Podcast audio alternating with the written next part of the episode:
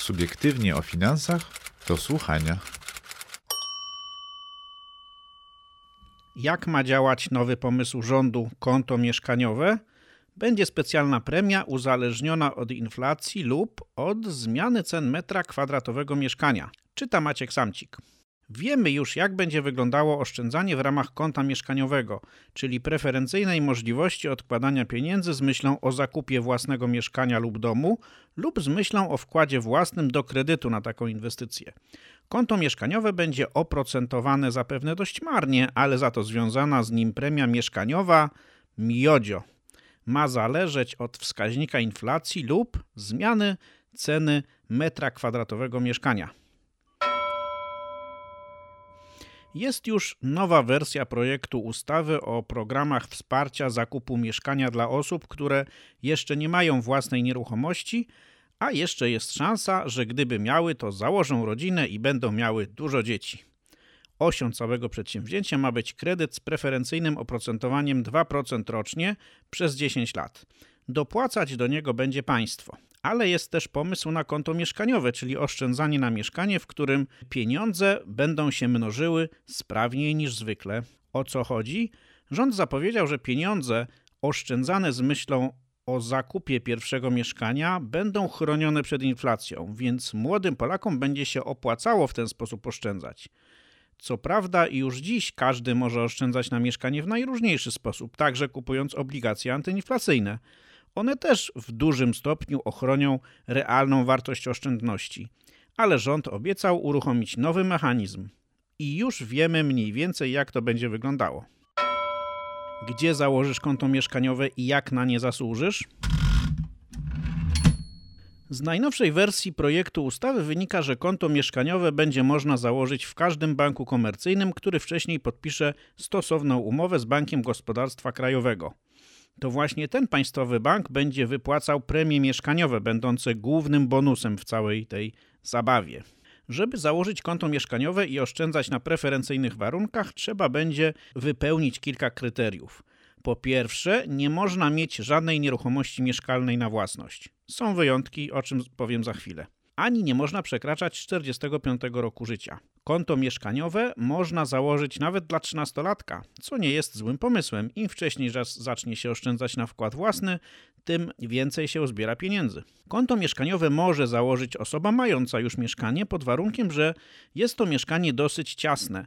Metraż nie przekracza 50 m2 i w tej ciasnocie gnieździ się potencjalny oszczędzający wraz z dwójką dzieci. Albo jeśli metraż nie przekracza 75 m2 i mieszka w takim mieszkaniu trójka dzieci. Ograniczenie dotyczące braku mieszkania nie dotyczy też osób mających czwórkę dzieci, nawet jeśli mają 90-metrowy apartament w cudzysłowie, a także osób z piątką dzieci. W tym ostatnim przypadku nie ma już ograniczeń metrażu z oszczędzania na koncie mieszkaniowym nie wyklucza odziedziczenie mieszkania lub domu już po rozpoczęciu oszczędzania, a nawet przed nim, ale w tym drugim przypadku jest taki warunek, że spadek nie może przekraczać 50% dziedziczonej nieruchomości.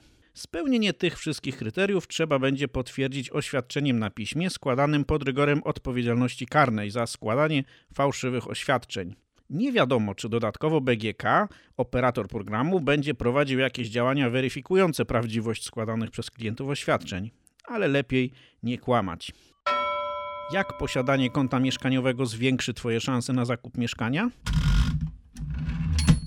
Na konto mieszkaniowe będzie można, a właściwie będzie trzeba, wpłacać co miesiąc nie mniej niż 500 zł i nie więcej niż 2000 zł będzie można raz w roku nie dokonać wpłaty. Przy większej liczbie pustych miesięcy pojawiają się już kłopoty. Oszczędzanie na koncie mieszkaniowym może trwać maksymalnie przez 10 lat. Co dzieje się potem? O tym za chwilę. Wypłacanie pieniędzy z przeznaczeniem na inny cel niż mieszkaniowy kończy się likwidacją konta mieszkaniowego i przeniesieniem pieniędzy na zwykły ROR. Konto mieszkaniowe będzie w każdym banku oprocentowane inaczej. Z projektu ustawy wynika, że nie może to być mniej niż 75% takiego standardowego oprocentowania, które dotyczy zwykłych kont oszczędnościowych w danym banku. Jeśli więc bank płaci na koncie oszczędnościowym w standardzie 1% rocznie, to na koncie mieszkaniowym będzie musiał płacić co najmniej 75% rocznie.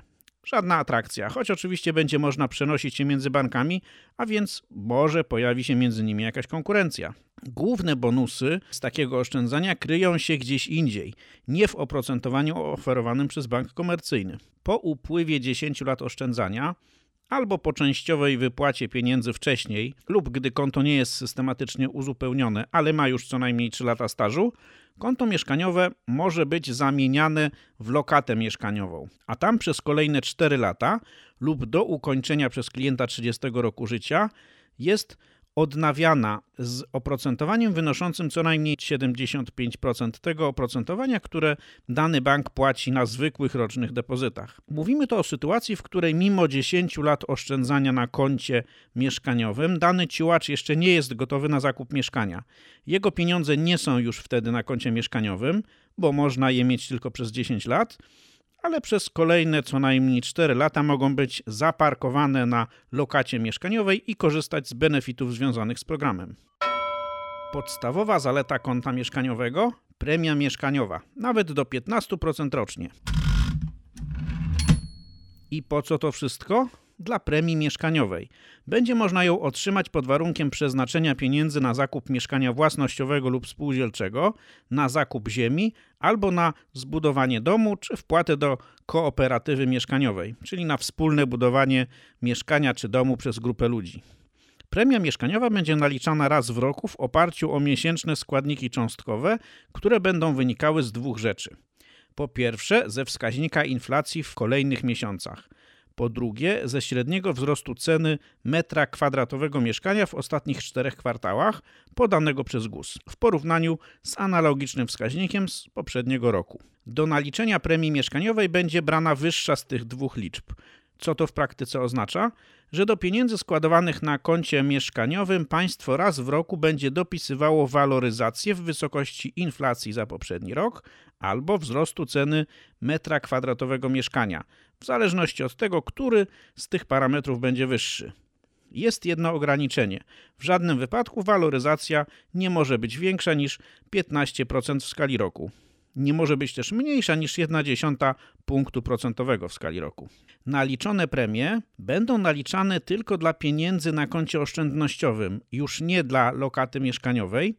Będzie można zainkasować po co najmniej trzyletnim uczestnictwie w programie poprzez zlecenie przelewu naliczonej kasy na rachunek powierniczy prowadzony na rzecz dewelopera, u którego oszczędzający kupił mieszkanie, na rachunek sprzedającego nieruchomość lub ziemię, wtedy jeśli zakup mieszkania jest na rynku wtórnym, lub na rachunek spółdzielni mieszkaniowej albo kogoś, kto zbudował posiadaczowi konta mieszkaniowego dom. Trzeba wtedy oczywiście przedstawić kopię aktu notarialnego przenoszącego własność tej nieruchomości.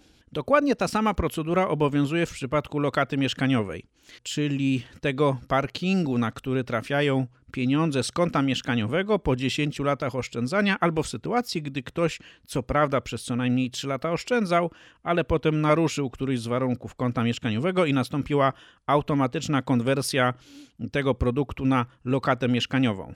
Z pieniędzy wypłacanych tytułem premii bank prowadzący konto mieszkaniowe może pobrać 1% prowizji. Jest jeszcze jedno ograniczenie.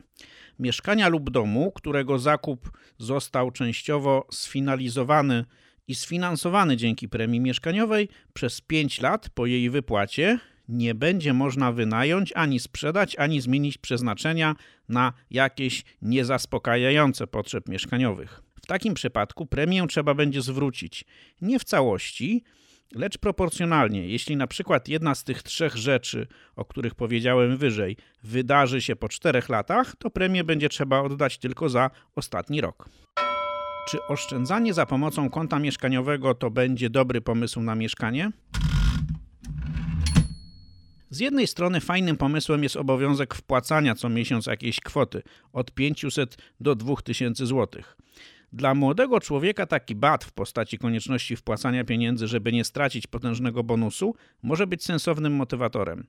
Z drugiej strony indeksowanie zgromadzonej kwoty wskaźnikiem inflacji lub wskaźnikiem wzrostu cen nieruchomości daje szansę na to, że pieniądze realnie pozwolą zapracować na kilka metrów mieszkania. W pewnym sensie kasa jest impregnowana na wzrost cen nieruchomości, który mógłby mieć, no i często gęsto jest, wyższy niż inflacja. No, pod warunkiem, że nie przekroczy 15% w skali roku. Jeśli przez 10 lat oszczędzam za pomocą konta mieszkaniowego, na przykład po 1000 zł miesięcznie, to z samych tylko wkładów uzbieram 120 tysięcy złotych. Jeśli jeszcze do tego dodamy 10% corocznej indeksacji z powodu inflacji lub wzrostu cen nieruchomości, to po dekadzie oszczędzania z premii, nie licząc oprocentowania naliczanego przez bank komercyjny, uzbiera się ponad 200 tysięcy złotych. To może być całkiem poważna część pieniędzy potrzebnych na zakup mieszkania. Na pewno wystarczy na wkład własny. Z drugiej strony jest kilka bolesnych ograniczeń, które sprawiają, że oszczędzanie w ramach konta mieszkaniowego nie będzie dla każdego. Elastyczność tego sposobu oszczędzania jest znacznie mniejsza niż obligacji skarbowych indeksowanych inflacją. Ale z drugiej strony, tylko gromadzenie pieniędzy w ramach konta mieszkaniowego będzie miało mechanizm indeksacji nie tylko inflacją, ale też wzrostem ceny metra kwadratowego nieruchomości, no, o ile jest ten wzrost od inflacji wyższy. Mobilizowanie młodych Polaków do oszczędzania i budowanie w nich przekonania, że warto te pieniądze odkładać, bo nie stracą realnie na wartości, i to nie licząc w złotówkach, tylko w metrach kwadratowych przyszłego mieszkania. Ma sens i jest niezłym pomysłem rządzących. Można się tylko zastanawiać, czy jest sens budować kolejny plan motywujący ludzi do kupowania mieszkań na własność, choć przecież można byłoby i należałoby spowodować, by łatwiej było mieszkanie wynająć. Właśnie takich programów ułatwiających najem mieszkania, a nie jego zakup, najbardziej nam brakuje. To była audycja z cyklu Subiektywnie o finansach do słuchania. Więcej artykułów czytanych przez autorów znajdziecie na naszej stronie www.subiektywnieofinansach.pl w zakładce do słuchania oraz na naszym kanale podcastowym.